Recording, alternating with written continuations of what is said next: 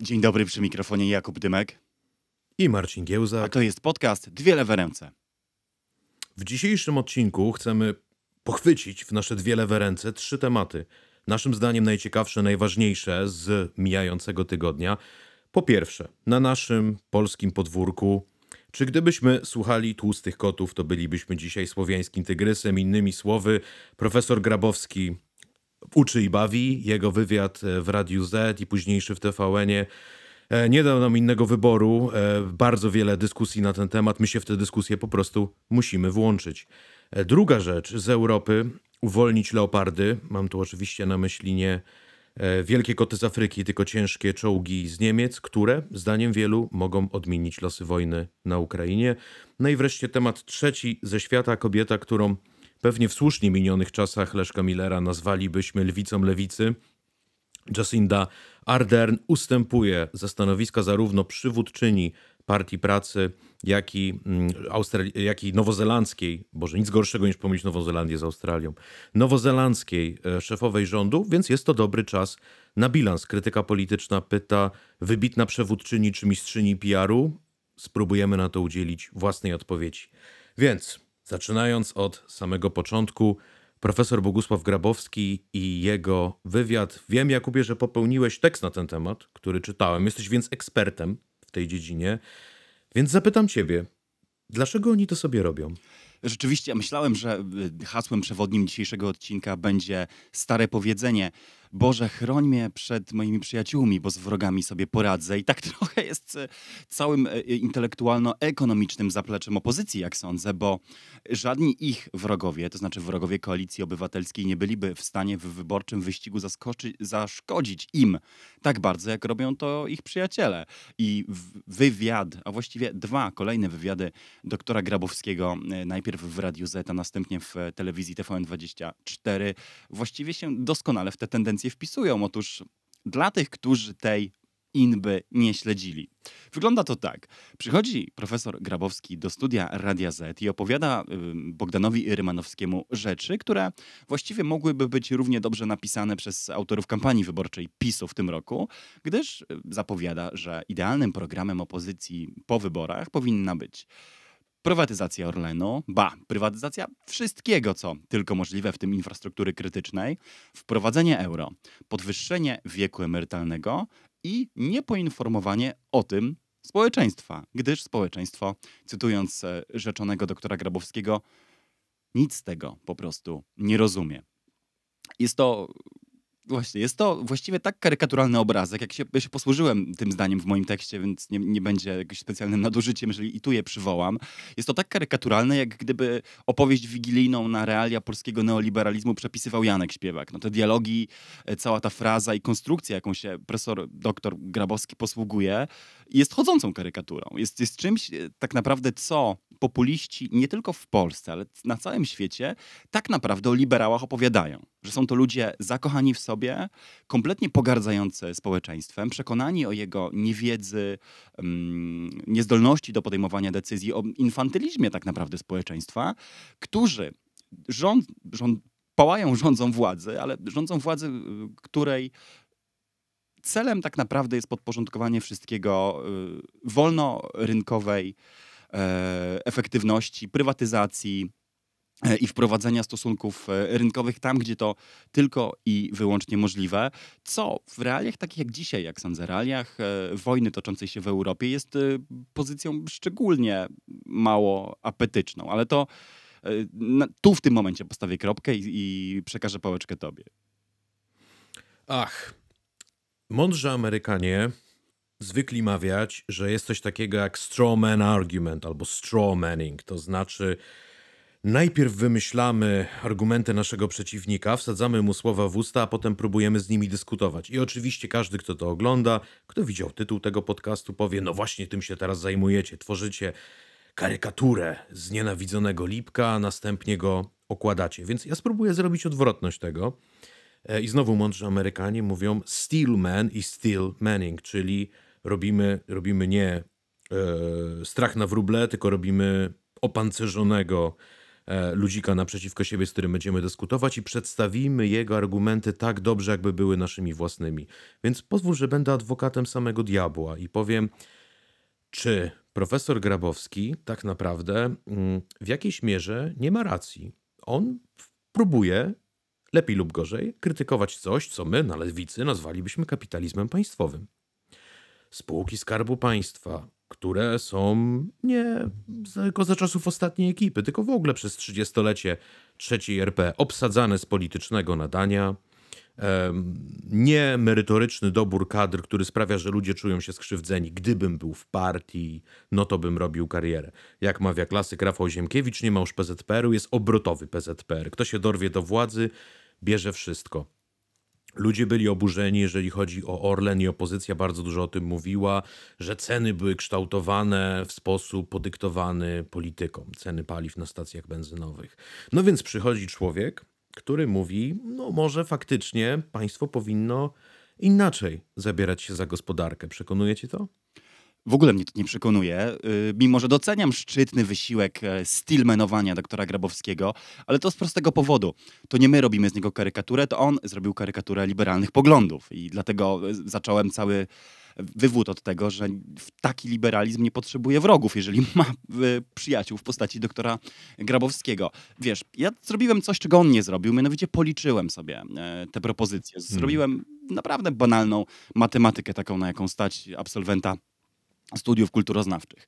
Otóż dr Grabowski przekonuje, że jednym e, z przykładów rozdawnictwa, jak to mówi, pisowskiej władzy jest e, istnienie programu 500 plus w postaci powszechnej, a zatem to, że trafia on także do osób, które zarabiają 20 tysięcy złotych. No i profesor Grabowski mówi, że no, w takim układzie no, jest to oczywiste nadużycie. No, te pieniądze należałoby przeznaczyć na mm, opiekunów osób z niepełnosprawnościami, na nie, Społecznie wrażliwy. tak, prawda? Na, co on tam jeszcze wymieniał w, tym, w tej kolejnej rozmowie? No, pomoc dla osób wyklu, trwale wykluczonych, e, rehabilitację, wyższe emerytury dla kobiet i tak dalej, i tak dalej.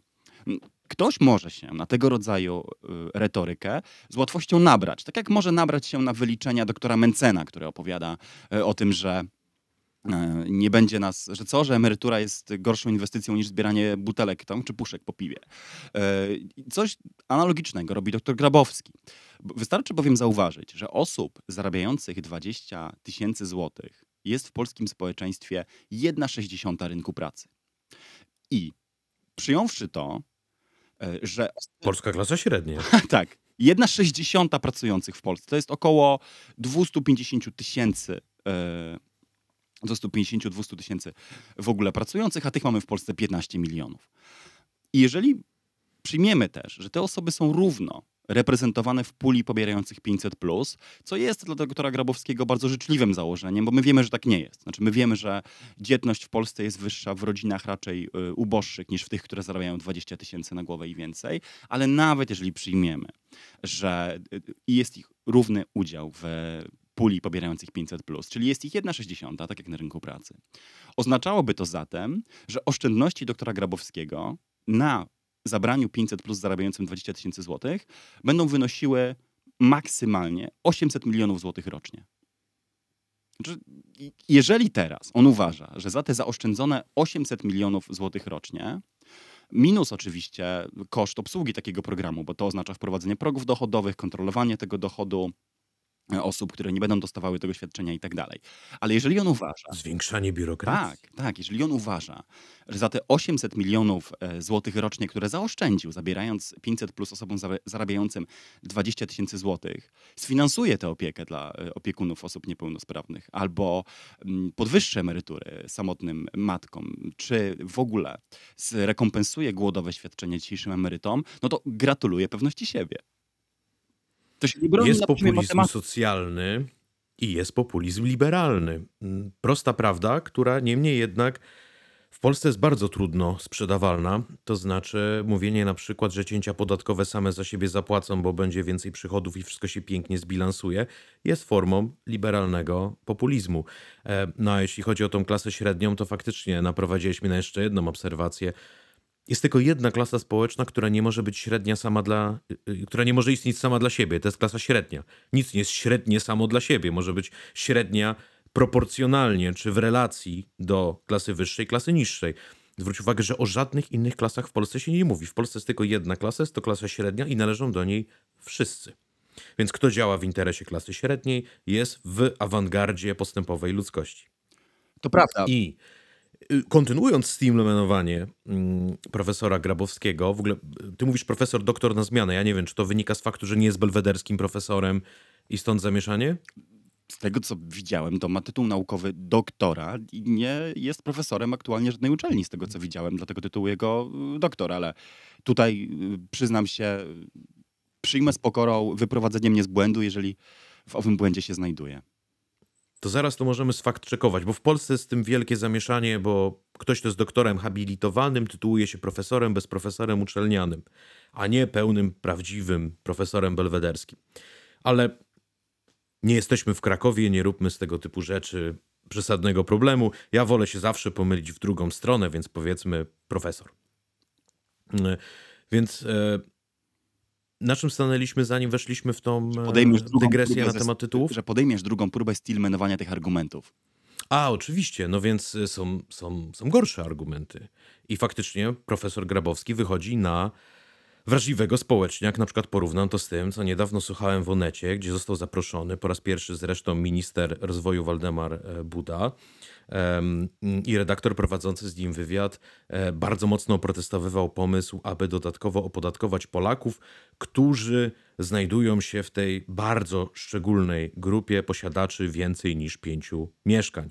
I on powiada, że przecież ci ludzie to nie są żadni milionerzy, ani krezusi, ani bogacze. To są zwykli szarzy kowalscy, którzy odkładali, oszczędzali, za te oszczędności kupili sobie sześć mieszkań, no i teraz dzięki temu jakoś wiążą koniec z końcem. Co raz jeszcze pokazuje, że dla ludzi, którzy jak to się kiedyś mówiło w partiach komunistycznych, skąd mówisz, towarzyszu, no to wiemy już skąd oni mówią. No dla nich zwykłym szarym Kowalskim jest człowiek, którego stać na kupno sześciu mieszkań. Wejdę ci w słowo, jeśli pozwolisz. To natychmiast przy, przypomina mi o dyskursie, który towarzyszył wprowadzaniu nowego, a potem polskiego ładu. W gazecie wyborczej ukazywały się wówczas seriami teksty, których bohaterem była jedna i ta sama osoba.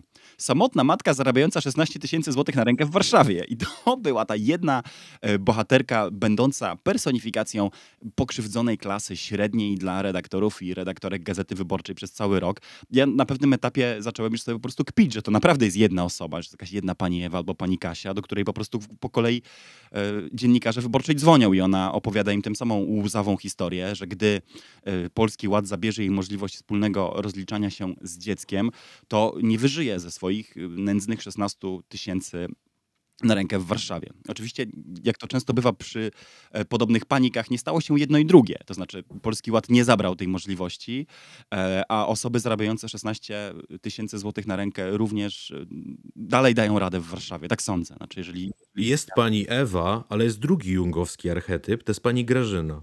Pani Grażyna nie pracuje, jedynie żyje z 500, plus, zasiłku i innego rodzaju świadczeń socjalnych, jak wiadomo, w Polsce przesadnie rozdętych, i również zarabia 16 tysięcy złotych, mm, bez e, tego rodzaju niedogodności, jak wstawanie codziennie e, rano do pracy, e, czy oszczędzanie po to, żeby kupić sześć mieszkań, sobie jakoś związać koniec z końcem. I między tymi jungojskimi archetypami, że tak powiem, rozpięta jest cała ta narracja, mm, którą słyszymy. Ale weszliśmy bardzo mocno w wątek tak zwanego rozdawnictwa, czyli po prostu tych programów socjalnych, które w każdym rozwiniętym państwie istnieją. E, A ja zacząłem z nieco innego punktu widzenia, czyli od tej nieszczęsnej własności państwowej. Rozumiesz? Uwłaszczają się na naszym wspólnym, nie umieją, a zarabiają. Czy ciebie to nie rewoltuje?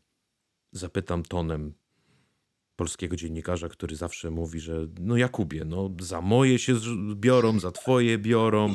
Czy dla ciebie pensja prezesa tej czy innej spółki Skarbu Państwa to byłoby dużo? No byłoby dużo, a oni to dużo biorą.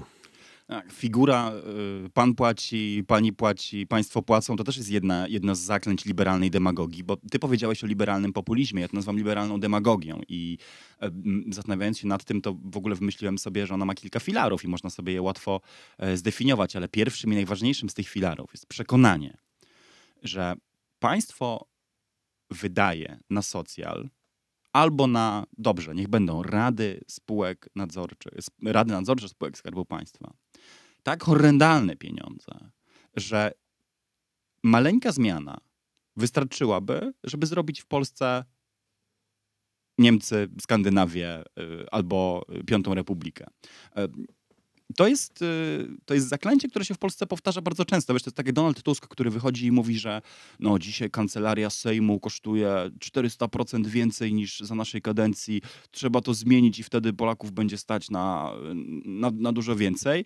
I dopóki Tak. ktoś Jak Mitt Romney, który chciał zabrać szklankę mleka dzieciom w szkole, twierdząc, że oszczędności w ten sposób uzyskane zrewolucjonizują amerykańskie problemy budżetowe. Tak, no i tutaj, tutaj wracamy do liberalnej demagogii moim zdaniem, znaczy do przekonania, że tak się da zrobić i to powiedział dr Grabowski, znaczy powiedział, że zabranie 500 500 plus osobom zarabiającym 20 tysięcy, no pozwoli nam na załatanie polskiego, wie, polskiego systemu emerytalnego i podwyższenie emerytur kobietom. Ze spółkami Skarbu Państwa zaś, bo nie ucieknę od twojego pytania oczywiście, jest trochę inaczej.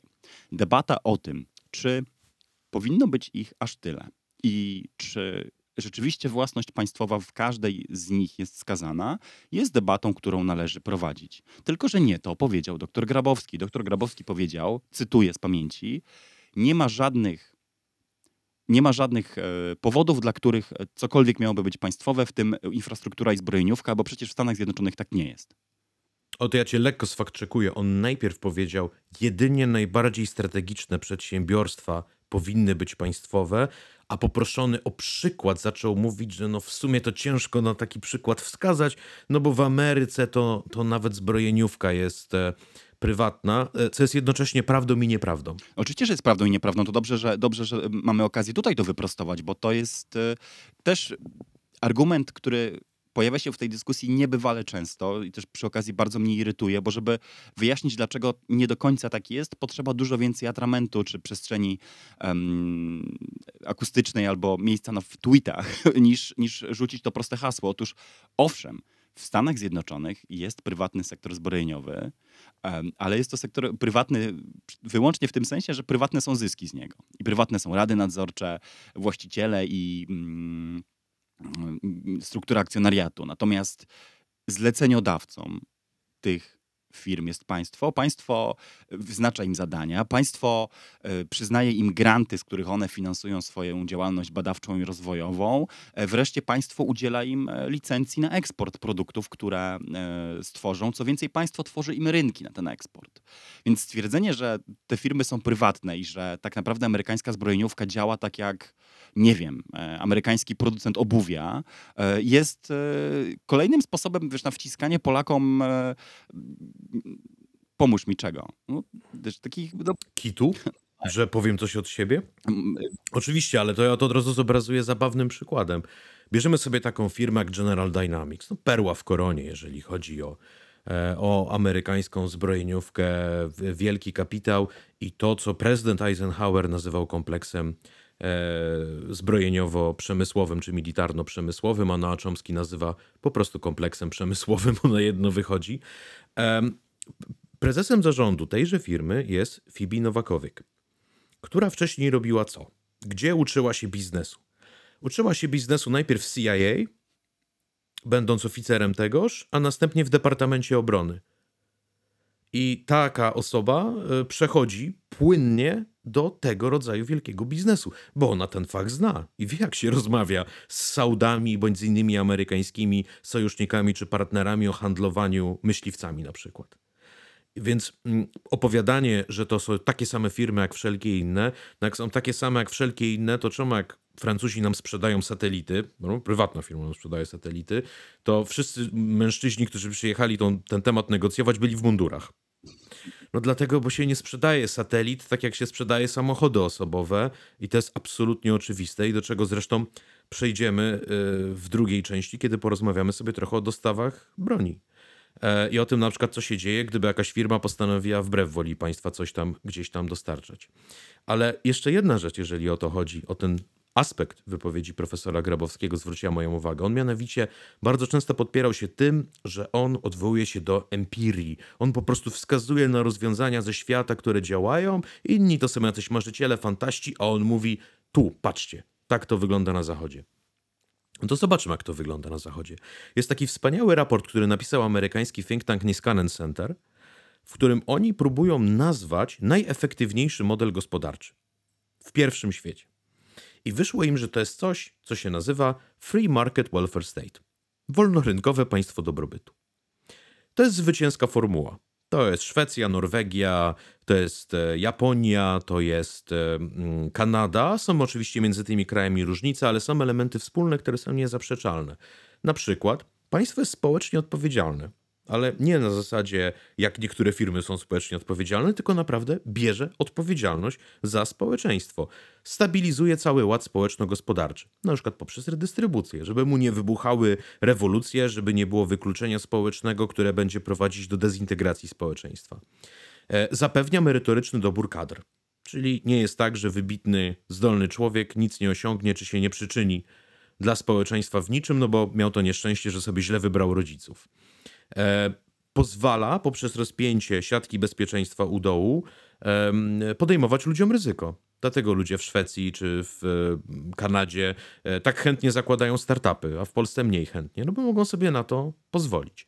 Druga część, ta się mniej spodoba lewicowcom, liberalizacja, deregulacja. Tak? Nie narzucimy wam domiarów, przymiarów 10 tysięcy zasad, róbcie, eksperymentujcie, e, zrobimy wam tak zwane piaskownice, w których wasze pomysły można najpierw przetestować, a dopiero potem uregulować.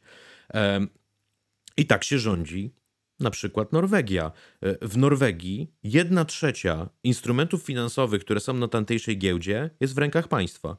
Największy telekom jest w rękach państwa, największy bank jest w rękach państwa, największy producent aluminium, już nie wspominam o całej ich branży naftowej.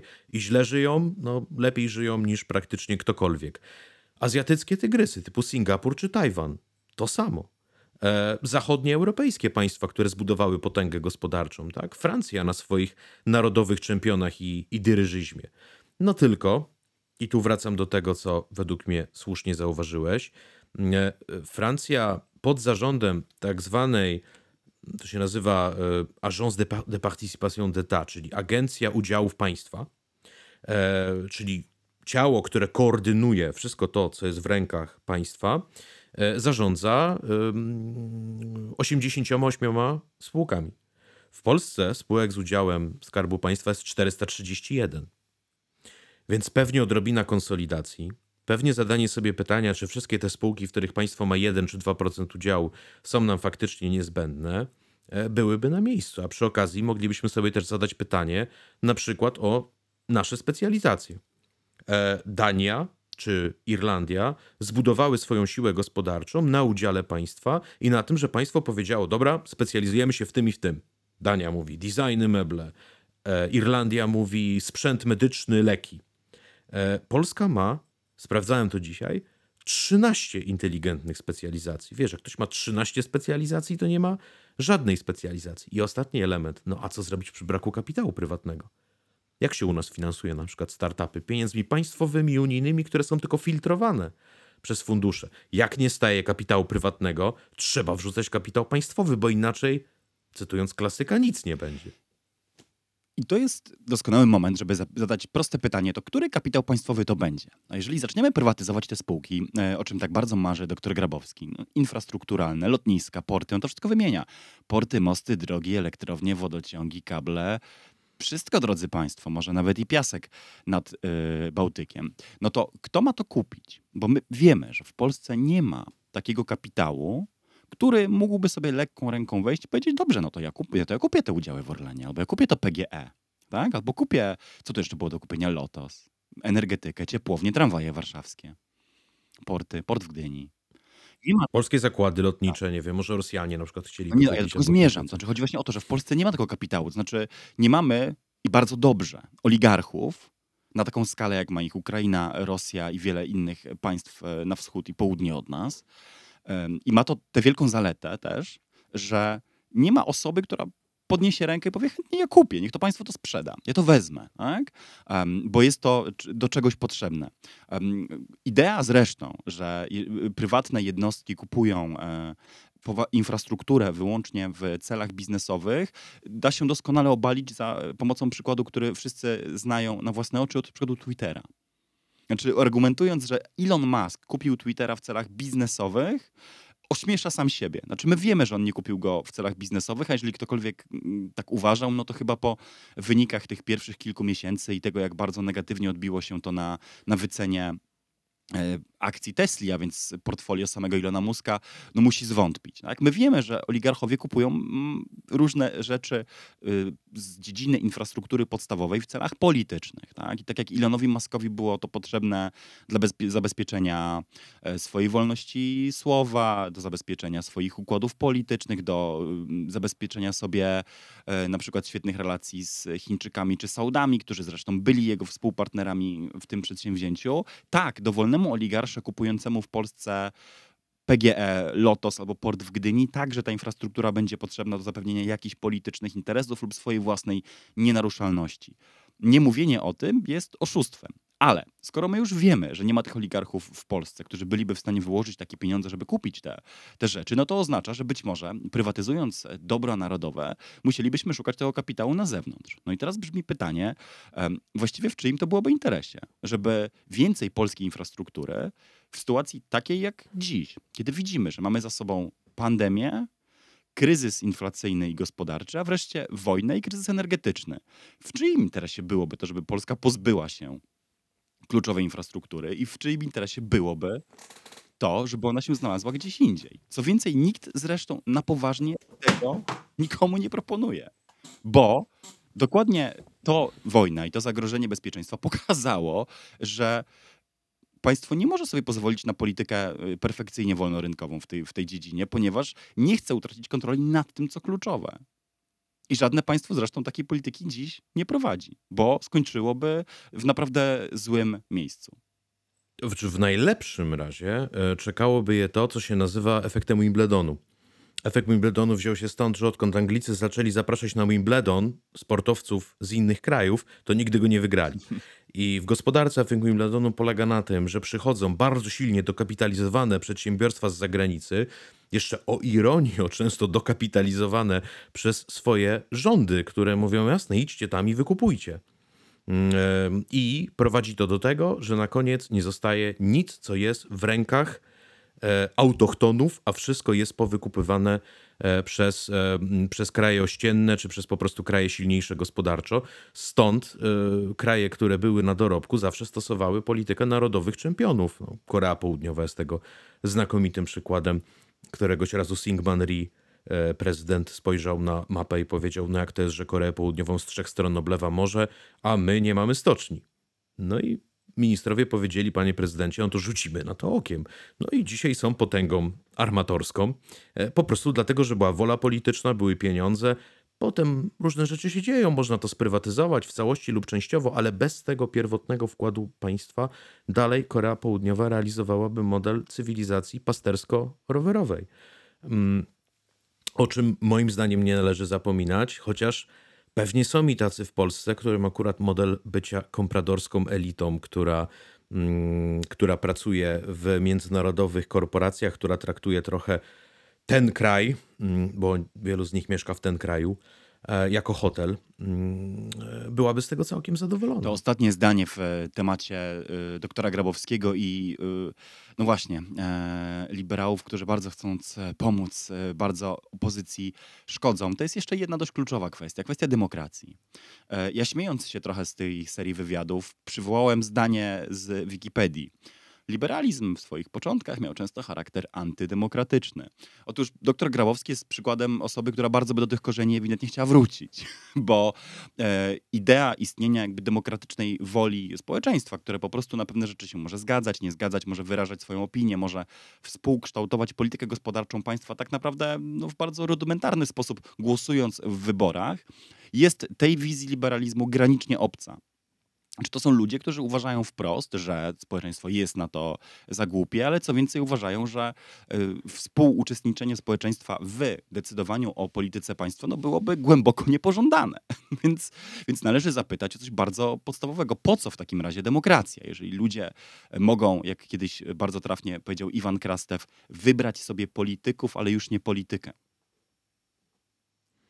Tak, no mogę tylko powiedzieć jako politolog amator, że ja kiedyś zaproponowałem kryterium czy kategorię wysokiego i niskiego liberalizmu, twierdząc, że wysoki liberalizm to jest liberalizm Lorda Actona, Benedetto Croce czy Johna Stewarta Mira, spośród których żaden nie był leseferystą i każdy krytykował takie rozumienie liberalizmu i jest liberalizm niski, który sprowadza się do tego, że trzeba obsługiwać egoizm i aspołeczne instynkta tych, którzy są po prostu lepiej sytuowani. E, Ten pierwszy jest częścią wielkiej przygody myśli i, i częścią naszej politycznej tradycji zasługuje na szacunek. E, I kto nie jest w tym pierwszym sensie, choć trochę liberałem, temu nie ufam.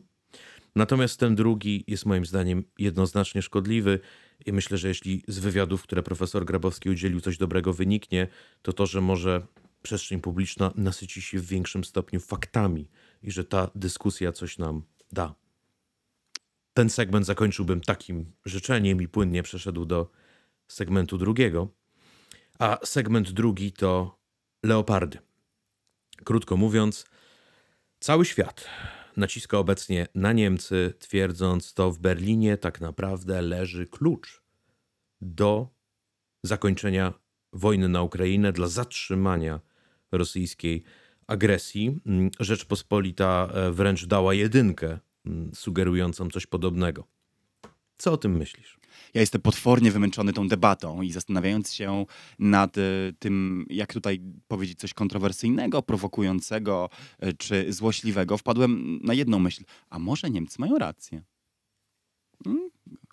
Cisza, lej po bombie, wybuch, atomowy pył opada. Otóż pomyślałem sobie, że jeżeli żądaniem strony niemieckiej jest to, żeby Amerykanie sami zainicjowali ten ruch, na którym tak bardzo rzekomo im zależy, czyli przekazanie czołgów dla Ukrainy, to właściwie dlaczego tego nie zrobią? Czy to jest tak nieracjonalne żądanie? Stwierdzenie, że skoro to Ameryka właśnie przekonuje, że rzeczą niezbędną, tak konieczną i pożądaną jest to, żeby Ukraina otrzymała maksymalnie dużo czołgów i sprzętu pancernego przed, jak wszyscy już podejrzewają, wznowieniem ofensywy późną zimą lub wczesną wiosną, to czemu nie wykonają tego gestu? I czemu oczekują, żeby państwo o jednym z najbardziej pacyfistycznych i niechętnych militarnej pomocy Ukrainie e, Euro, państw w Europie zrobiło to jako pierwsze?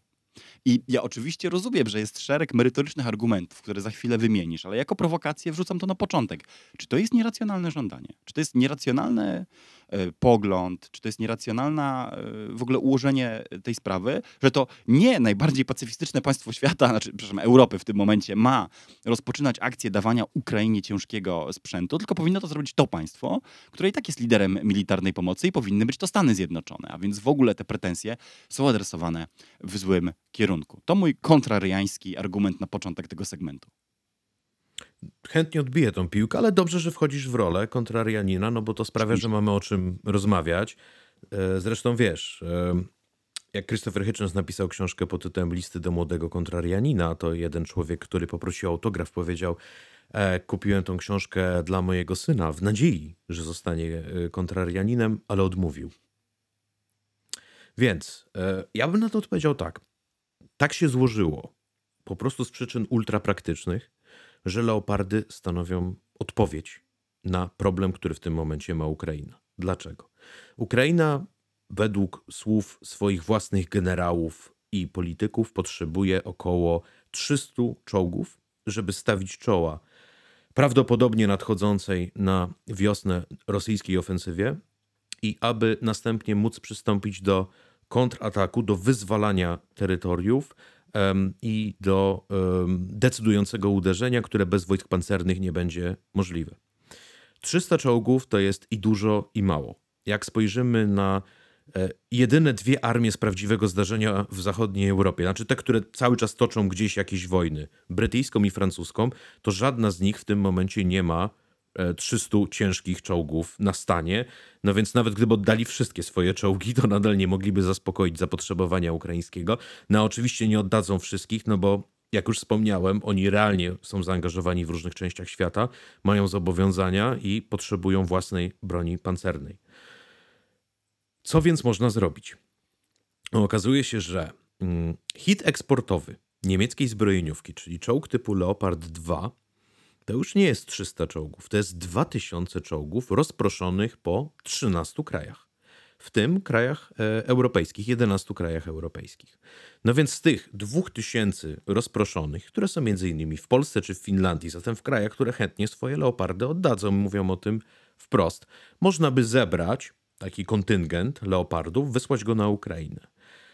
Druga rzecz. Mm, Dlaczego w takim razie nie M1 Abrams? E, Abrams jest czołgiem specyficznym. Jest napędzany specyficznym paliwem. Nie ma silnika dieslowskiego. E, Nie jest używany w takim zakresie przez europejskie armie, więc dużo ciężej o transportowanie części wymiennych, o serwisowanie go. Mm, e, Kolejna sprawa. Ukraińcy umieją walczyć na czołgu, który specyfikacyjnie odpowiada Leopardowi, a nie będą umieli walczyć czołgiem, mm, który wygląda i prowadzi się jak e, Abrams, e, a oni potrzebują tych czołgów tu, teraz, zaraz, natychmiast i muszą nimi walczyć. Czas gra rolę. No więc tak się niefortunnie złożyło, że akurat ten niemiecki Leopard jest optymalny.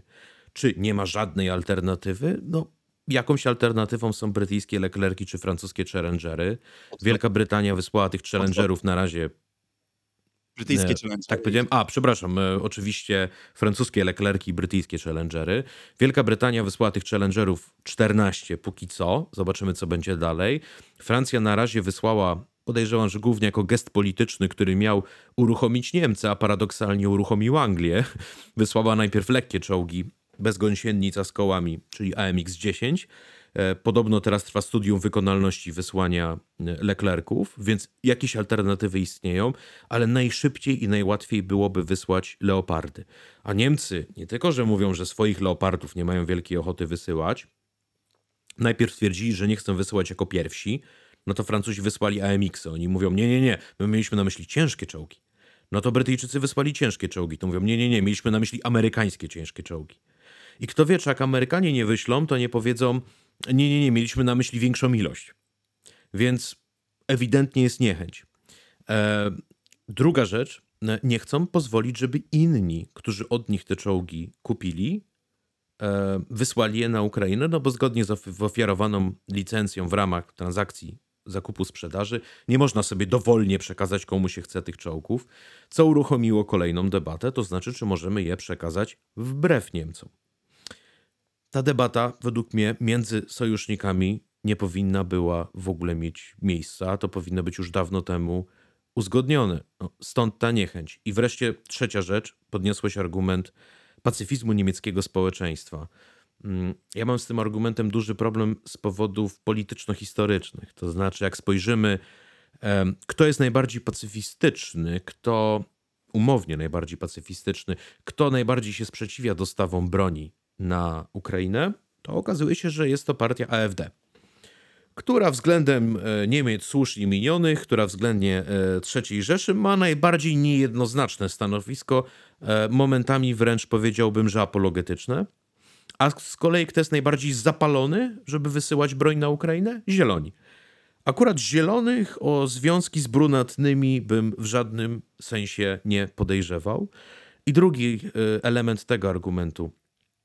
Jakby Niemcy sięgnęli do własnych filozofów typu Hannah Arendt czy, e, czy Karl Jaspers, to oni zawsze podkreślali, że istotą zła, które Niemcy sprowadziły na świat w postaci nazizmu, był nie tyle fanatyzm. To nie jest tak, że wszyscy byli nazistami. W 1933 roku naziści nie otrzymali największej liczby głosów do Bundestagu, wręcz pogorszyli wynik w stosunku do poprzednich wyborów. Sęk w tym, że kiedy już naziści władzę przejęli, wszyscy siedzieli cicho, robili co im się każe, wykazali się biernością i konformizmem. I obecnie mam wrażenie, że Niemcy wyciągają niewłaściwą lekcję. Cechuje ich bierność i konformizm. No dobrze, to ja pociągnę jeszcze ten y, wątek kontrariański w takim razie. I co z tego? Znaczy, mówię to jako człowiek, skrajnie zmęczony tą debatą, ale też w jakimś sensie bardzo cyniczny wobec całego tego sporu. Nie ma siły, która powstrzymałaby Polaków, Bułgarów czy Finów przed daniem tych czołgów, gdyby chcieli te czołgi dać.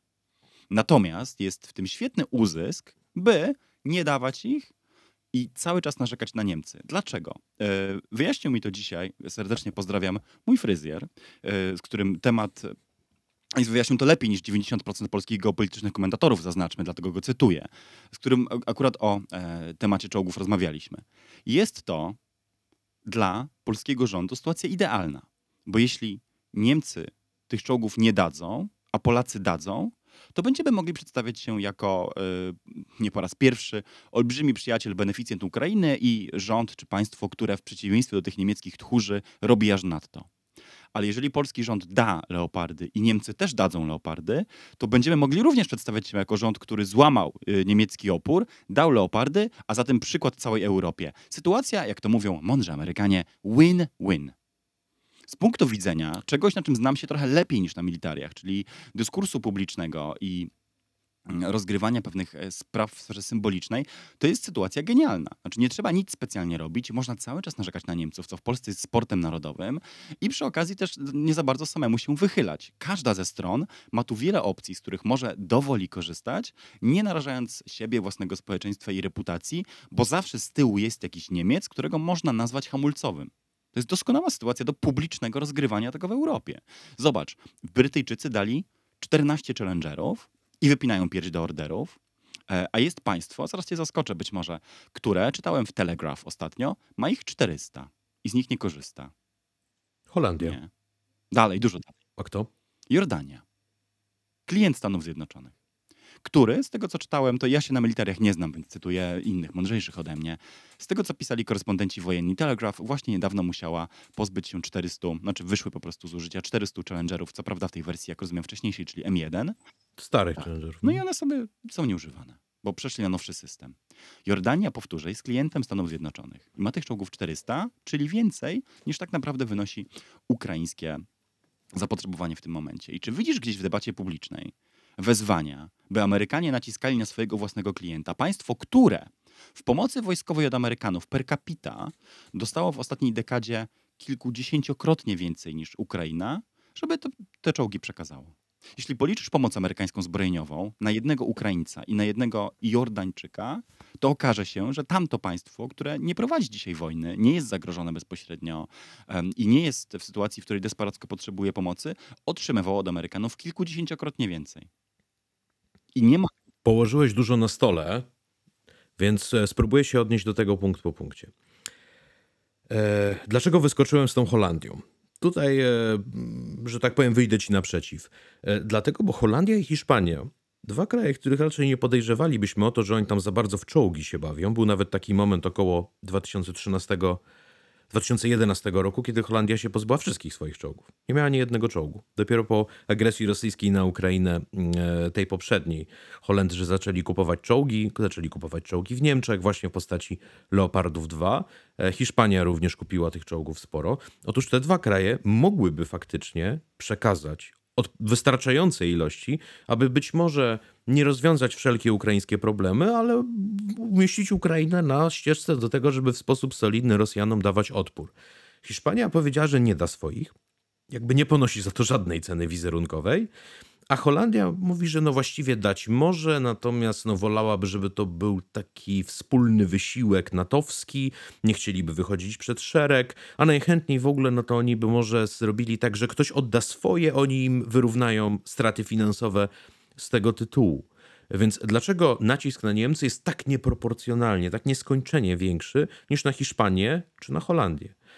Otóż paradoksalnie, oprócz tych powodów zupełnie oczywistych, typu, że Niemcy dawali licencję, no to mogą chociaż nie blokować innych, plus u siebie mają tych leopardów od, dość dużą ilość, jest jeszcze jeden powód. To jest swego rodzaju komplement pod adresem Niemiec.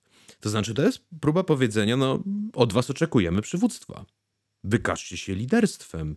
E, Jesteście najsilniejszym państwem w Europie gospodarczo, bądźcie najsilniejszą, przynajmniej jednym z najsilniejszych państw militarnie i politycznie. A kto mówi to najgłośniej? Nie my, nie Polacy. Najgłośniej mówią to i Amerykanie, tak i nie. którzy zawsze patrzą się w stronę Berlina i mówią mój ci on. I Amerykanie bronią także Niemców przed atakami na przykład strony polskiej. I y, naprawdę polecam posłuchać, co na przykład mówi e, amerykańska dyplomacja. E, Na przykład jak pani ambasador jest zaproszona, żeby udzielić wywiadu w ZDF. I tam raczej jest taki ton, że Niemcy może popełnili błędy, może nie wszystko było idealnie, ale rozmawiamy, to jest nasz najbliższy sojusznik. E, I sam miałem przyjemność w Krynicy prowadzić panel, na którym wystąpił Daniel Fried, który jest chyba najbardziej wpływowym amerykańskim takim, przepraszam, guru od spraw polskich. który tam jednoznacznie bronił Niemiec. Mm, I, i nie, nie, nie dał się zagonić w ten e, narożnik, że my tu wszyscy razem, a Niemcy, Niemcy nie i, i, i Niemcy będziemy krytykować. Em, więc e, powiedziałbym, że ta presja ma też na celu zmienić e, zachowanie mm, państwa niemieckiego. Jak powiedział Radek Sikorski, mm, boję się bardziej słabych Niemiec niż silnych. Radek Sikorski wiesz wiele powiedział, e, powiedział też kiedyś, że chciałby, żeby Rosja stała się takim sojusznikiem naszym jak Niemcy.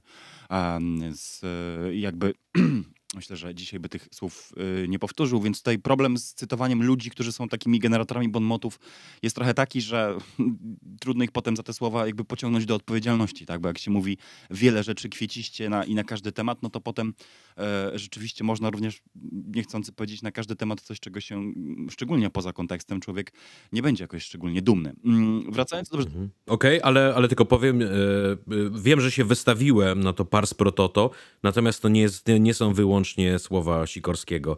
Mm, e, Jerzy Haszczyński, kiedy zrobił takie szybkie zestawienie e, mediów światowych, to zwraca uwagę, że nieważne, czy one są hiszpańskie, portugalskie czy norweskie, wszyscy o Niemczech wypowiadają się krytycznie. Oczywiście, ale szczególnie krytycznie wypowiadają się y, przywódcy państw y, naszego regionu, no, głównie Polska i państwa bałtyckie, tak? które w oczywisty sposób, słuchaj, ja tę retorykę od moich kolegów z prawicy już naprawdę słyszę codziennie, no, którzy otwarcie już mówią, że chcieliby w jakimś sensie, aby Polska była najdalej wysuniętym e, na wschód zamorskim, za, zamorsk, zamorską posiadłością Stanów Zjednoczonych, a Unia Europejska nam w tym otwarcie przeszkadza. No i przeszkadza nam dlatego, że są tam e, Niemcy, więc e, nie wiem, co więcej mogę do tego dodać. Nie zaspokoisz o polskiej opinii publicznej, ani opinii estońskiej, ani litewskiej, ani łotewskiej, choćbyś oddał Ukrainie ostatni niemiecki czołg. Na tym też polega problem. To znaczy, są dwie różne rzeczy, i ty masz rację, zwracając to uwagę. Jest militarne znaczenie tych, e, tych czołgów, które jest e, niebagatelne, niektórzy pewnie powiedzą, że kluczowe, ale jest też cały spór polityczny, który polega otwarcie na próbie ośmieszenia, zdyskredytowania, mm, zawstydzenia Niemiec na śmierć, który się też nie udaje. Nie? Znaczy, że Niemcy są mm, To zobaczymy. się udaje, tak? Mm.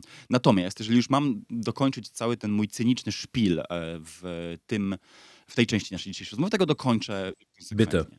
Otóż oczywiście, że Amerykanie chcą, żeby e, Niemcy przekazali swój sprzęt pancerny, tak samo jak chcą, żeby przekazała go Polska i masa innych krajów e, NATO, dlatego że są beneficjentem netto tego układu. Otóż oni bardzo by chcieli, żeby cała Europa zrobiła to, co Polska, czyli oddała czołgi, następnie zadłużyła się w dolarach, emitując obligacje, które Amerykanie kupią na 5, 6 albo 7% i za te wyemitowane obligacje kupiła z powrotem ten sam sprzęt od Amerykanów. No mój drogi, gdybym ja był rzecznikiem Pentagonu, albo pracownikiem Departamentu Obrony, albo e, Departamentu Stanu, to myślisz, że mówiłbym cokolwiek innego? No oczywiście, że nie oddawajcie te czołgi. My z przyjemnością na procent sprzedamy wam ekwiwalentne amerykańskie maszyny. Oddawajcie, do, oddawajcie jak najwięcej, oddawajcie do woli. Oddawajcie ile się da czołgi, oddawajcie. No Marcin, nie można abstrahować w tym całym kontekście tego sporu, że jest to również spór o to, żeby wywołać w Europie falę zakupów zbrojeniowych, e, które Amerykanie z przyjemnością jakby dostarczą. Tak? I, I tutaj ja nie stawiam na równi jakby ró- różnych, różnych porządków, ale wzbogacam tę rozmowę o jeden, no, który jest kluczowy. Mówiłbyś coś innego, gdybyś był Amerykaninem dzisiaj? Powiem tak. e, Rozumiem, co chcesz powiedzieć, i e, nie mam jakiejś wielkiej potrzeby wchodzić z tym w polemikę, bo oczywiście, że Amerykanie patrzą również na swój interes. Byłoby bardzo dziwne, gdyby tego nie robili. E, Wykorzystali II wojnę światową między innymi do tego, żeby zarobić na niej dobre pieniądze i uzależnić od siebie ex imperia kolonialne, rozmontować te imperia kolonialne i zamienić ich dawne kolonie we własne strefy wpływów od Iraku po Wietnam. E, Co nie zmienia faktu, że mm, ich interwencja w II wojnie światowej była rzeczą słuszną i zbawienną. I e, jest taki bardzo dobry mem, mm, na którym e, jeden mapet mówi do drugiego: Uwierzyłeś w amerykańską propagandę na temat agresywnej Rosji i biednej Ukrainy, a tak naprawdę to wszystko jest po to, żeby Amerykanie mogli sprzedawać broń Europejczykom. Na co drugi mapet odpowiada: Mój bracie w Chrystusie, my nienawidziliśmy Rosjan, zanim Ameryka w ogóle powstała. Jest to i e, jest to prawdą, przy czym powtórzę, y, my też te pretensje, że Niemcy czegoś nie dają, albo Francuzi czegoś nie dają, albo Brytyjczycy czegoś nie dają, przerabiamy od 24 lutego. W sytuacji, w której jest jedno imperium militarne na świecie, które mogłoby dawać dowolną ilość sprzętu, którego też z jakiegoś powodu nie daje.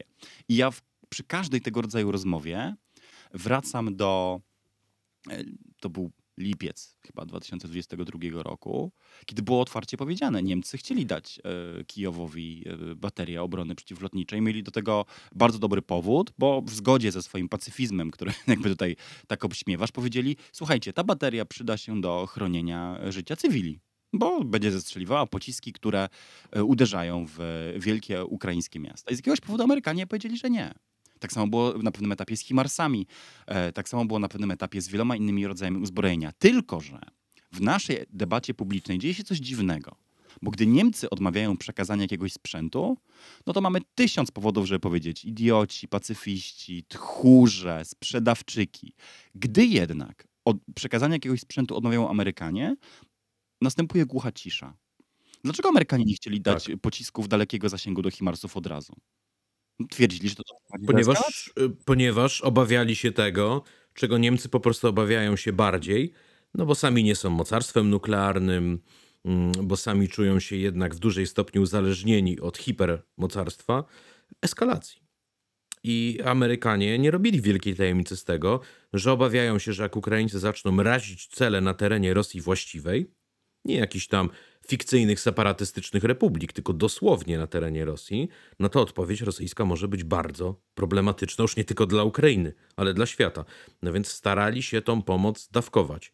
Ale zwróć uwagę, że ta linia się przesuwa. I dla Amerykanów, i dla Niemców. I to, co wczoraj było niewyobrażalne, dzisiaj jest nie tylko, że wyobrażalne, jest oczywistością. Czyli y, dawniej mówiono, no nie, czołgi to czerwona linia, no ciężkich czołgów dostarczyć nie można, po czym dosłownie w sekwencji kilku dni mamy te lekkie francuskie AMX-y, mamy brytyjskie Challengery, a teraz każdy, kto nie daje czołgów jest zdrajcą i sprzedawczykiem. Miesiąc temu ktoś, kto nie dawał czołgów robił to samo co wszyscy. No, prawie, bo zakładam, że nie wiem, nie mogę tego wiedzieć, ale zakładam, że Polska, kraje bałtyckie pe- za- zapewne dawały czołgi nie chwaląc się tym. Na koniec tego segmentu wyjdę z roli, powiem coś dobrego o polityce Stanów Zjednoczonych. Otóż jest jedna dobra rzecz, którą należy o nich powiedzieć. To jest to, że administracja Bidena zmienia politykę wobec Ukrainy w locie. Ona ją płynnie dostosowuje do zmieniających się okoliczności na miejscu, modyfikując swoje stanowisko, pozwalając, żeby ono ewo- ewoluowało i cały czas tak naprawdę odpowiadając na realne wyzwania. I to jest moim zdaniem jak najbardziej w porządku i to należy docenić, bo, y, bo rzeczywiście, tak jak mówisz, to gdzie jest czerwona linia zmienia się tak naprawdę z tygodnia na tydzień. E, Co więcej, my jako opinia publiczna mamy nawet gdzieś, jeżeli ktoś czyta amerykańską prasę głównego nurtu, mamy nawet dość dobry obraz, dlaczego tak jest. To jest jakoś tam uargumentowane, to jest y, zakomunikowane o właśnie opinii publicznej, to jest przekazywane za pomocą kontrolowanych przecieków i my się nawet mamy jakoś jako zwykli obywatele i zwykli komentatorzy rzeczywistości prawo dowiedzieć, dlaczego tak jest. I to jest w porządku. Tak? Natomiast nie, można, nie można zaprzeczać, że równolegle Amerykanie mm, cieszą się po prostu olbrzymim komfortem, bo tutaj zacytuję, wiesz, kogoś, kogo też o jakąś prorosyjskość y, i, i skrajny antyamerykanizm posądzić trudno, to powiedział mi Bernard Getta, francuski polityk, europarlamentarzysta dziś, a wcześniej przez wiele lat reporter i dziennikarz i w Polsce, i w Warszawie, i w Moskwie, i w, i w całym naszym regionie. To powiedział jakby bardzo prostą rzecz, to znaczy, jeżeli Ukraina zostanie zniszczona, to życie przeciętnego Amerykanina nie zmieni się niemalże w najmniejszym stopniu. E, Natomiast jeżeli zostanie na przykład zaatakowany Tajwan, to życie przeciętnego Amerykanina zmieni się diametralnie. Ta matematyka dla Europy wygląda odwrotnie. Otóż, gdy zostanie zniszczona Ukraina, albo gdy rzeczywiście dojdzie do tej eskalacji, to my poniesiemy tego koszta i, i też będziemy musieli mierzyć się z większym ryzykiem strategicznym tak? niż, e, niż Amerykanie. Vice versa, gdyby coś stało się na Tajwanie, to e, oczywiście skutki technologiczne czy gospodarcze na pewno sięgnęłyby nas bardzo mocno, ale nie byłoby, nie byłoby to dla nas... Już nie kupiłbyś No, konsoli. bo- no właśnie, no ale to, to powiedzmy jakby...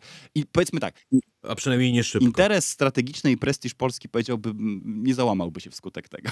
Natomiast z, z, z perspektywy Amery- Ameryki wygląda to, wygląda to inaczej. I my musimy trochę też to mieć na uwadze. To znaczy, ja słyszę dzisiaj z ust korespondentów na przykład takie zdanie. No wiecie państwo, w Niemczech jest jakiś taki nieracjonalny strach przed wojną atomową. No, no cóż, no cóż, no.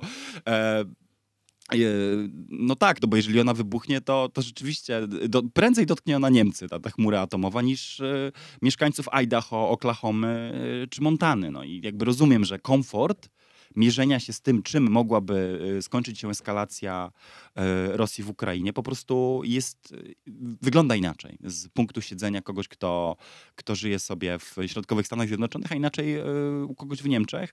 Dyskusja może dotyczyć moim zdaniem tego, czy ten strach jest nadmiarowy, czy jest nieracjonalny, czy jest oparty na absurdalnych przesłankach. Natomiast nazywanie strachu przed eskalacją absurdalnym samym w sobie jest moim zdaniem idiotyczne, bo to oznaczałoby, że idiotą, czy, czy, czy że mm, histerykiem jest także Joe Biden, który od początku tego konfliktu mówi jedno, znaczy nie chcemy, żeby, stało, żeby doszło do trzeciej wojny światowej i robimy wszystko, żeby do tej trzeciej wojny światowej nie doszło. I tym samym przecież Joe Biden y, usprawiedliwiał, czy tłumaczył, czy uzasadniał każdą kolejną decyzję o tym, żeby tu nie przekazać Patriotów, tu nie przekazać rakiet dalekiego zasięgu do systemu HIMARS, a tu może nie przekazać czołgów, a tu może nie zrobić czegoś jeszcze. Owszem, to na tym samym głosie dopowiem, że mm, jak e, Emmanuel Macron udzielił tego wywiadu, w którym powiedział, że no trzeba tam z Rosją rozmawiać, utrzymywać otwarte kanały dyplomatyczne, ludzie w Polsce wyskakiwali przez okna, padali na ziemię i gryźli dywany. Jak to powiedział Antony Blinken, to po prostu nic się nie stało. E, Sekretarz stanu Stanów Zjednoczonych mówi, że oczywiście, że będę rozmawiał z Ławrowem e, w najgorszych czasach zimnej wojny, kiedy naprzeciwko nas byli zbrodniarze, którzy zabili e, nie tysiące ludzi, tylko dziesiątki milionów. Rozmawialiśmy ze Związkiem Sowieckim, no to i będziemy rozmawiali z Rosją, bo byłoby sytuacją skrajnie niebezpieczną, gdyby mocarstwo atomowe mm, numer dwa i mocarstwo atomowe numer jeden nie utrzymywały ze sobą żadnego kontaktu i jedna strona nie wiedziałaby, co robi druga, nie wiedziałaby lewica, co czyni prawica. No i jakby dla Blinkena to było oczywiste, nie pasuje to do naszej narracji, no więc po prostu udajemy, że tego nie słyszeliśmy. E, ale cóż. Skoro powiedziałeś em, słowo lewica, mhm. lewo się rzekło, to ostatni segment dzisiaj miał dotyczyć, ma dotyczyć, będzie dotyczył pani premier Musi Musi dotyczyć. Pani ekspremier e, Nowej Zelandii, Jacindy Ardern. Ardern, boże, nie jest to najprostsze y, nazwisko do wymówienia, szczególnie jak się ma godzinę nagrania już za sobą. Aden. Marcinie, mm, oddaję tobie głos. Patrzysz na mnie What gives? Patrzysz na mnie z oczekiwaniem. Tobie oddaję. Tobie oddaję O, ja głos. chciałem się ciebie zapytać, ale to ja mogę powiedzieć pierwszy tym razem, wiesz. Reprezentujemy sobą jakieś tam odmiany lewicy. Ja, prawda, uważam, że najlepsza lewica to polska prawica. Ty masz jakiś inny pogląd w tej sprawie. Nie do końca dla mnie zrozumiała, więc chciałem się ciebie zapytać, czy Jacinda Ardern to jest taka lewica, jaką ty popierasz, ale e, może najpierw powiem w takim razie parę słów wprowadzenia o nowozelandzkiej premierce i powiem trochę, co ja się na jej temat dowiedziałem, jakie na mnie zrobiła wrażenie i zapytam się ciebie potem, czy dla ciebie to brzmi sensownie. Tak na pierwszy rzut oka historia Jacinta Ardern to jest historia, która człowieka, który ma serce po lewej stronie, nie może nie urzec. Wychowuje się w małym miasteczku, w skromnej rodzinie, m, w dzielnicy biedy, e, obserwuje codziennie przemoc, wykluczenie społeczne, także wykluczenie na tle etnicznym, ponieważ większość ludzi, która mm, zamieszkiwała tamte okolice, jest pochodzenia maoryskiego. Ona tymczasem nie zamyka się w tej wieży z kości słoniowej i mówi: Jesteśmy biedni, ale chociaż jesteśmy biali. Nie odnosi się z nienawiścią do innych, tylko wręcz przeciwnie. E, brata się z tą społecznością maoryską i czuje się z nią jednością. Jest wychowywana w wieży mormońskiej, z którą się rozstaje po tym, jak ogląda w kinie film e, dotyczący dramatu młodego mormona, który był homoseksualistą i został wyklęty ze swojej społeczności. Podobno, kiedy światła w kinie zostały włączone, jej koleżanka zauważyła, że Jacinda ma oczy pełne łez. I to był moment, kiedy podjęła decyzję że nie może już być dłużej mormonką. Słyszysz teraz, że cytuję po prostu filmiki wyborcze e, budujące jej legendę. Kiedy pojechała na staż e, do Nowego Jorku, e, to co robi? Zatrudnia się w garkuchni i rozdaje jedzenie bezdomnym. To jest jej doświadczenie z Nowego Jorku. Kiedy pojechała do Anglii na staż, mm, ponieważ była zaangażowana w organizacje międzynarodowe młodych socjalistów, e, to dostała staż na Downing Street 10, kiedy premierem był twój ulubieniec, Tony Blair. I, I u Tonego Blaira, że tak powiem, uczyła się polityki, ale jest epilog. Epilog ci się spodoba. Już po fakcie Tony Blair przyjechał do Auckland. I spotkał się tam z młodymi lewicowcami e, i był, była z nim rozmowa i takie bardzo softballowe pytania padały, typu e, no a jak planuje emeryturę, a jak grał na gitarze, to jakie były jego ulubione piosenki i tak dalej. No i już właściwie ma się cała impreza ku końcowi, wszyscy są zachwyceni, było bardzo miło, no ale może jakieś pytanie z sali. No i młoda Jacinda Ardern podnosi rękę i zadaje mu pytanie, czy żałuje wszystkich ofiar wojny w Iraku i czy cokolwiek zrobiłby inaczej, wiedząc to, co wie. Czy chcesz wiedzieć, co Blair odpowiedział? Oczywiście, że nie. Chyba widziałem ten klip. To ja to powiem widzom, bo oni będą chcieli wiedzieć. Przygotowałbym się na dłuższą wojnę. Ani kroku wstecz. E, no i powiedzmy to wprost. E, była też osobą, która zmagała się z e, seksizmem. Mm, Młoda kobieta, najmłodsza przywódczyni w dziejach Nowej Zelandii, która będąc e, szefową rządu rodzi dziecko, która ma partnera, nie męża, są ze sobą w stałym związku. On swoją drogą jest takim trochę celebrytą w Nowej Zelandii, bo jest największym guru, jeśli chodzi o wędkarstwo, więc można powiedzieć, że partner pani premier jest fanatykiem wędkarstwa, jeśli kojarzycie tą, e, tą pastę. Ale kiedy ona startowała pierwszy raz w wyborach i jej kontrkandydatka z prawicowej Partii Narodowej, Partia, Partia Narodowa to jest taka bardzo delikatna centroprawica, nie przynosi klisz z Europy, y, również była młodą, atrakcyjną kobietą, e, to tytuł e, najsławniejszego artykułu krzyczał w nagłówku Battle of the Babes. Trafiła na listę najseksowniejszych polityczek. Mm, I trzeba powiedzieć, że wszystko to znosiła z godnością. Na przykład, jak trafiła na tą listę i poproszono ją o komentarz, e, to powiedziała: e, Wybierać najseksowniejszą polityczkę to jak dostać pytanie o ulubioną czekoladę, przy czym na liście odpowiedzi są tylko owoce i warzywa. E, Czy czasami to naprawdę popadało w absurd? Na przykład e, któryś komentator powiedział, że e, przyszła premier, to było w trakcie, tuż po mm, wyborach, kiedy były dyskusje koalicyjne, ma słuch społeczny, czemu być może nie należy się dziwić, bo ostatnio odkryła swoje ponętne uszy. Em, I wiesz, może je odkryła, może po prostu znajdowały się po obydwu stronach jej głowy i nawet nie myślała o tym, że będą ponętne dla tych, którzy to oglądają, ale ludzie nie potrafili wyjść z tego tonu. Em, czy na przykład mówiono jest zbyt miła, jest zbyt kobieca, jest zbyt ciepła, jest zbyt współczująca, nie nadaje się do polityki. Wiesz, ludzie lubią narzekać, polityka jest brudna i obrzydliwa, ale jak nie umiesz grać w sposób brudny i obrzydliwy, to cię nie chcemy. I kiedy w ramach wewnątrzpartyjnych rozgrywek okazała być się absolutnie brutalna, to powiedziano, nie, jednak nie jest zbyt miła. Jednak jest prawdziwym politykiem. Em, więc e, na pierwszy rzut oka świetna historia. Nawet przyszła do, na spotkanie z królową e, brytyjską w tradycyjnym maoryskim stroju. Totalnie woke. Znaczy nie wiem, czy to nie jest cultural appropriation, ale z grubsza woke. No jest, jest, pochodzi z Nowej Zelandii e, i, i z tą kulturą się jednoznacznie utożsamia. Zresztą przez Maorysów była, była doceniana mm, za, za swoje premierostwo. Nie jest też bez sukcesów. Zwiększyła płacę minimalną, wydłużyła urlop macierzyński, zwiększyła stypendia i zapomogi dla e, studentów. E, Mówi się, że wygrała w 2020 roku e, wybory takim totalnym landslidem z uwagi na to, jak zareagowała na COVID. Nowa Zelandia miała rekordowo niską ilość mm, nadmiarowych zgonów. No i wszyscy widzieli to i cały świat to pokazywał, jak pani premier ze swojej kuchni w dresach i ze swoim kotem imieniem Puddles komunikuje. No i podobno na zarządzaniu kryzysowym się dzisiaj uczy, jak zarządzać kryzysem, tak jak Jacinda Ardern. Ale jednocześnie ona ma w sobie wszystkie wady socjaldemokracji. Em, I ja jakby może cię zdziwić, że ja to mówię, no bo wiesz, jestem takim bardzo standardowym round the mill socjaldemokratą. Natomiast y, gdzie jest problem? Problem polega na tym, że ona tak naprawdę nie rozwiązała żadnego wielkiego problemu. Ona jedynie tu trochę poprawi, tam trochę polepszy. Przykład. Nowa Zelandia ma straszliwy problem mieszkaniowy. Jacinda Ardern powiedziała, zbudujemy 100 tysięcy mieszkań. Oddaje władzę, zbudowali tysiąc.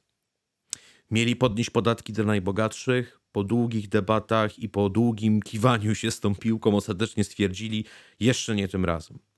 Powiedziała, że rozpisze referendum w sprawie legalizacji marihuany i nie powiedziała, jak sama zagłosuje. Dopiero po referendum powiedziała, że głosowała na tak. Innymi słowy, mm, sprawiała wrażenie dość konserwatywnej polityczki.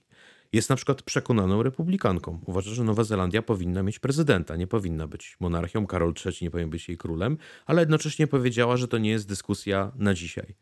No i niczym Mette Frederiksen w Danii była zwolenniczką daleko idącego ograniczenia imigracji do Nowej Zelandii, co również części lewicy się nie podoba.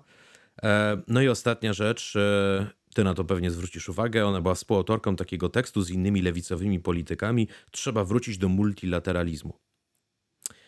Po czym jej polityka zagraniczna była w 100% e, pacyficzna i atlantycka, zdecydowanie po linii współpracy ze Stanami Zjednoczonymi, kluczowym sojusznikiem Nowej Zelandii. Innymi słowy, zjawisko celebrytyzacji polityki. Tego, że kiedy ona w kampanii wyborczej występowała, to właściwie zniknęło logo e, Partii Pracy. To było tylko Ask Jacinda, Vote for Jacinda. E, styl, forma być może całkowicie pożarły treść. Zawiodę cię, Marcinie, ale to, co miało być w twoim wykonaniu wstępem, okazało się bardzo intensywnym i wyczerpującym e, referatem na temat Jacindy Ardern, do którego obawiam się, nie będę w stanie zbyt wiele od siebie dodać. Muszę to przyznać z, To powiedz, co subiektywnie z uważasz. zachwytem i z pokorą. E, Ale nie powiedziałeś jeszcze o, e, o jednym kryzysie, czyli zamachu w Christchurch. A tak. I ja myślę, że to, co Dałem ci trochę Ja miejsca. myślę, że to, co zostanie tak naprawdę zapamiętane z kadencji pani premier, to jej postawa wobec dwóch najpoważniejszych kryzysów, które, które zastały wyspiarskie e, państwo na, z naszej perspektywy, antypodach e, w czasie jej rządów, no, czyli, czyli zamach terrorystyczny, motywowany, no właśnie, jakby to powiedzieć, altprawicową, szowinistyczną, rasistowską, y, synkretyczną y, ideologią, której, o której tak wówczas było głośno przez y, mm, no właśnie, szaleńca, nie, nie, nie należy używać tego słowa, ale przez e, fanatyka uzbrojonego e, w I terrorystę. Tak, to słowo również może być używane względem białych. Jasne. Przecież terrorystę. Nie, nie, mi chodziło o nie, nie nadużywanie słów wskazujących jednoznacznie na y, zaburzenia psychiczne, bo to w ogóle nie o to chodzi. Tak? To Mhm. też jest właśnie problem, że my często popadamy z łatwością w taki, w taki myślowy skrót. No przecież, no właśnie, no szal, szalony był, no szalony był. A Jasne. W polskich mediach mówiono, grał w gry komputerowe, w których się zabija ludzi. Open shut case, Johnson. Tak. E, I to był, to był pierwszy, y, pierwsza dramatyczna sytuacja, z którą przyszło jej się zmierzyć. I oczywiście to, o czym ty wspomniałeś, czyli, e, czyli pandemia i zdecydowana odpowiedź, która bardzo wielu nie przypadła do gustu, a moim zdaniem, oczywiście oceni to historia, nie ja tutaj siedząc, y, zostanie zapamiętana pani premier jako osoba, która w ob- obliczu obydwu tych, y, tych rzeczy pokazała, jak wygląda y, prawdziwe liderstwo. Tak sądzę, ale ma ona tu całkowicie się z tobą zgadzam, kompletne bingo wkurzania prawaków. Jest młoda, ładna, jest liderką i wprowadziła lockdown. I to właściwie w I ograniczyła dostęp tak, do broni. i to, a no rzeczywiście, no tak, no bo to była przecież mm, głupio z mojej strony, że tego nie powiedziałem, to była bezpośrednia przecież konsekwencja e, nowozelandzkiej odpowiedzi na ten zamach. Zrobili to, czego się Stanom Zjednoczonym nie udało zrobić przez e, ostatnie 300 lat i ostatnie 100 lat brutalnych strzelanin i zamachów. To w wypowiedziach po jej odejściu naprawdę liczyłem sobie takie, takie właśnie bingo, gdzie padną słowa y, kobieta, socjalizm, y, zamordyzm, lockdown i, i rzeczywiście było ich, było ich sporo, co w jakimś sensie Łukasz Warzecha nie zawiódł. wbrew, wszystkie, wbrew wszystkiemu y, budzi, budzi moją e, sympatię dla odchodzącej pani premier, jeżeli ktoś jest w stanie tak mocno striggerować e, część polskiej prawicy. No dobrze, wiesz, ja nigdy nie uważałem, że triggerowanie prawaków jest celem Nie jest samym celem dla samym- siebie. To jest przyjemny jest dodatek, wszyscy to lubimy, e, każdy ma jakieś hobby. E, natomiast e, wiesz, ja zawsze mówię, że prawica jest moim najgorszym wrogiem i najlepszym e, nauczycielem. Więcej czytam prawicowców niż lewicowców. Em, natomiast e, to, co nazwałem celebrytyzacją polityki, tu mam obawy. E, I wolałbym, żeby to po prostu była stara, dobra, solidna partia pracy, e, aniżeli partia Jacindy Ardern, partia Baracka Obamy, e, etc. Justina Trudeau, no właśnie, bo Mm. moim zdaniem, O, moim zdaniem właśnie Czy wiesz, że Donald Trump, kiedy pierwszy raz spotkał Jacindę Ardern, pomylił ją z żoną Justina Trudeau? nie, nie tych. To byłoby power couple. Byłby, byłby. To nie jest koniec. Kolejny To segment? nie jest koniec. No właśnie chciałem powiedzieć, że to nie jest koniec, e, bo nie pożegnamy się dzisiaj z wami bez naszego autorskiego pomysłu na e, zakończenie e, tej i kolejnych audycji, czyli rekomendacji. Nie mamy jeszcze na to lepszej, bardziej zapadającej w ucho seksownej nazwy, więc muszą na razie zostać rekomendacje. Był taki podcast, w którym nazywano to cocktail chatter, czyli rozmowie przy drinku, tym co przy drinku komuś by się poleciło, ale ze względu na Jako Champagne Socialists i Mastercard Marxists myślę, że możemy w te tony uderzyć. To jest, ja myślę, jako zadeklarowany demokrata, e, jednak coś, co można poddać pod głosowanie, wiesz? I zapytać się, Dobra. e, jak słuchający nas chcieliby, żeby ten segment się nazywał. W każdym razie, Piszcie w komentarzach, jak nazwać segment z rekomendacjami. dokładnie, żeby nie nazywał się A teraz rekomendacje. Który, któ- który w rzeczy samej e, zacznę ja. Czytałem i czytam Gratuluję. dwie książki naraz. e, Oliwiera Bulocha, z którym zrobiłem właśnie wywiad, e, pochodzącego z Walii, pisarza, dziennikarza, e, dokumentalisty, którego dokument nie może się ukazać ze względu na e, po- pozew, e, który, który został wniesiony.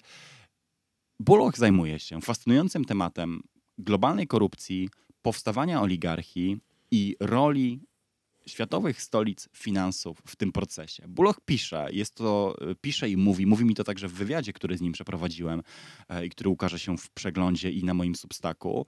Mówi rzecz, która w Polsce dla wielu osób będzie szokująca. My nie finansujemy dziś agresji Putina, ale to my ją stworzyliśmy. I mówiąc my, mają na myśli obywateli Zjednoczonego Królestwa, a przede wszystkim Londyn, jako stolicę e, finansową e, kontynentu, a przede wszystkim stolicę e, najgościnniejszą dla oligarchów z krajów byłego Związku Radzieckiego i przede wszystkim oligarchów rosyjskich. Swoich Sławny London Tak. Grad. Taki Bullock w swoich książkach opowiada o tym, jak nie byłoby jego zdaniem dzisiejszej agresji, bo to finansowe stolice świata i to miejsca, gdzie przetrzymuje się brudne pieniądze, gdzie się je pierze i ukrywa, stworzyły taśmociąg, który pozwolił przeistoczyć złodziei w oligarchów, a oligarchów w imperialistów.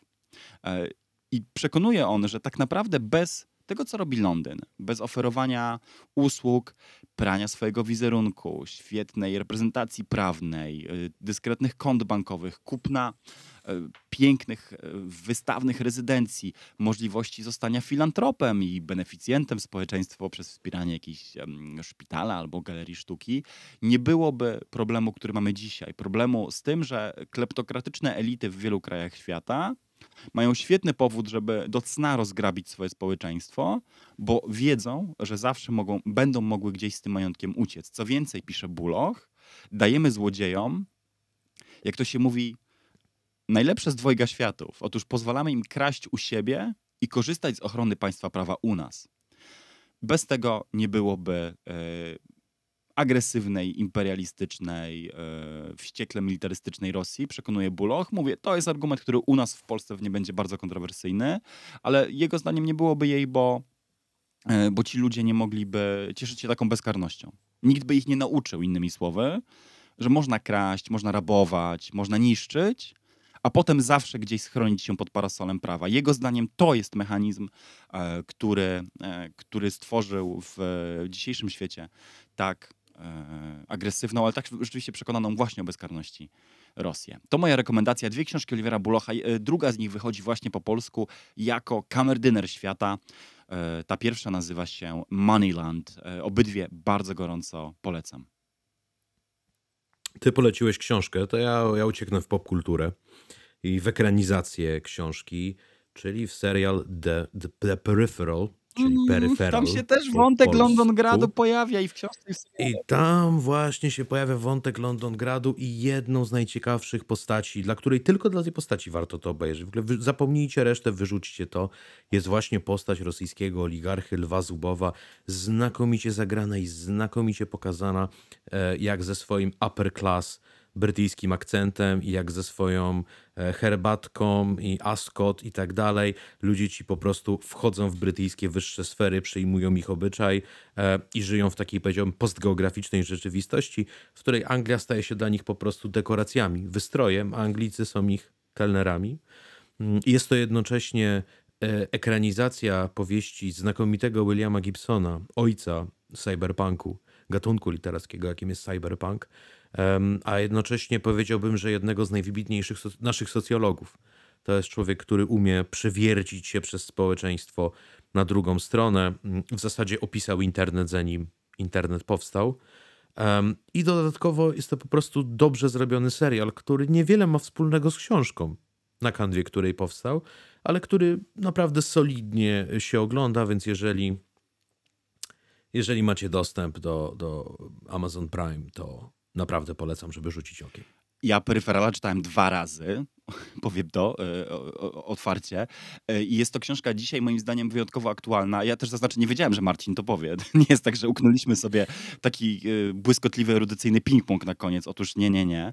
Ale jest to książka doskonale wręcz aktualna, bo jednym z czołowych jej założeń jest to, że istnieją ludzie tak bogaci i tak bezkarni, że mogą bawić się życiem innych w wojnę i mogą wręcz tworzyć sobie całe własne światy, którymi będą z wygody swoich londyńskich e, wież z kości słoniowej sterować i pogrywać ludzkim życiem. To jest właściwie cały fabularny mechanizm, który w, służy do opowiedzenia historii, a science fiction i cyberpunkowa konwencja w wielu mm, wymiarach jest, jest niezwykle atrakcyjnym, ale kostiumem do opowiedzenia czegoś o naturze bezwstydnego bogactwa, co pokazuje nam, nam Gibson. Z tego powodu jest to, jest to świetna książka. A zderzenie nędzy amerykańskiej podklasy, która jest w tej książce zmuszona do pracowania online dla jakichś anonimowych właśnie bytów, które mieszczą się nie wiadomo gdzie i. Którą uosabia główna bohaterka w tej roli świetna Chloe Glaze Moretz. I zderzenie tej amerykańskiej nędzy z pychą właśnie i, i, i niebywałym bogactwem, e, no właśnie globalnej, ale oczywiście także rosyjskiej oligarchii, którą w, swoim, w swojej też pysze i wystawności symbolizuje tam Lew Zubow, jest, e, jest e, naprawdę porywająca. O kimś, kto być może był pierwowzorem Lwa Zubowa, e, nie będę zdradzał więcej szczegółów. E, Bullock także pisze i mówi, ale to e, o tym się przekonacie, jeżeli zajrzycie do książek. No to klamra kompozycyjna się ładnie zapięła i kliknęła na koniec. Dziękuję. Marcinie, Dziękuję. wyśmienita rozmowa. Jestem ci, jestem ci bardzo za to wdzięczny. Wszystkim z Was, którzy wytrzymali z nami te godzinę i 15 minut. y, Najgoręcej dziękuję. Słyszymy się znowu w tym składzie niebawem. To był podcast Dwie Lewe Ręce. Ja nazywam się Jakub Dymek i dziękuję za Waszą uwagę. Ja nazywam się Marcin Giełzak i również dziękuję. Obserwujcie, komentujcie, dawajcie znać, co się podobało, co nie. No i widzimy się w kolejnych odcinkach. I słyszymy. Dzięki.